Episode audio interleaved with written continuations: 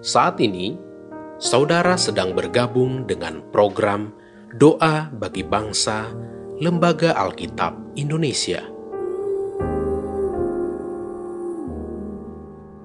Doakan, wartakan, donasikan melalui li.nk.tr.ee slash alkitab. Bapak, Ibu, dan anak-anak yang terkasih di dalam Tuhan, sebelum kita berdoa, terlebih dahulu kita dengarkan satu ayat firman Tuhan yang diambil dari Kolose pasal yang ketiga, ayat 17 yang demikian dan segala sesuatu yang kamu lakukan dalam perkataan dan perbuatan, lakukanlah semuanya itu dalam nama Tuhan Yesus sambil mengucap syukur oleh Dia kepada Allah Bapa kita. Mari kita berdoa.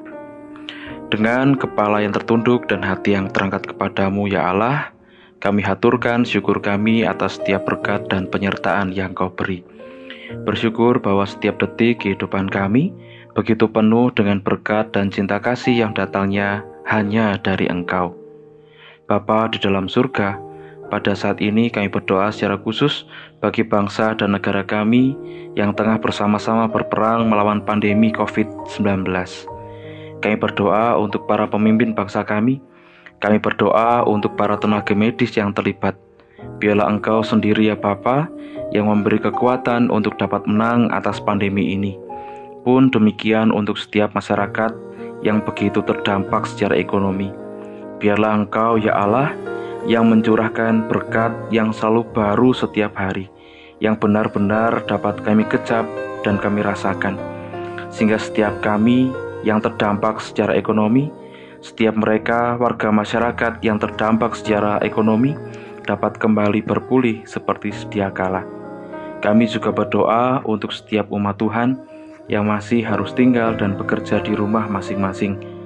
Kiranya Engkau pula, ya Bapa, yang menyertai, melindungi, dan memelihara kehidupannya, sehingga dengan demikian setiap umat Tuhan dapat terus produktif, baik dalam tata jasmani maupun tata rohani, sekalipun harus tetap di rumah saja. Kami turut berdoa pula untuk setiap pekerja baik swasta maupun negeri, Kiranya Tuhan memberkati dengan kesehatan dan kekuatan untuk melakukan aktivitas pekerjaannya dan berkarya pula untuk kemuliaan nama Tuhan.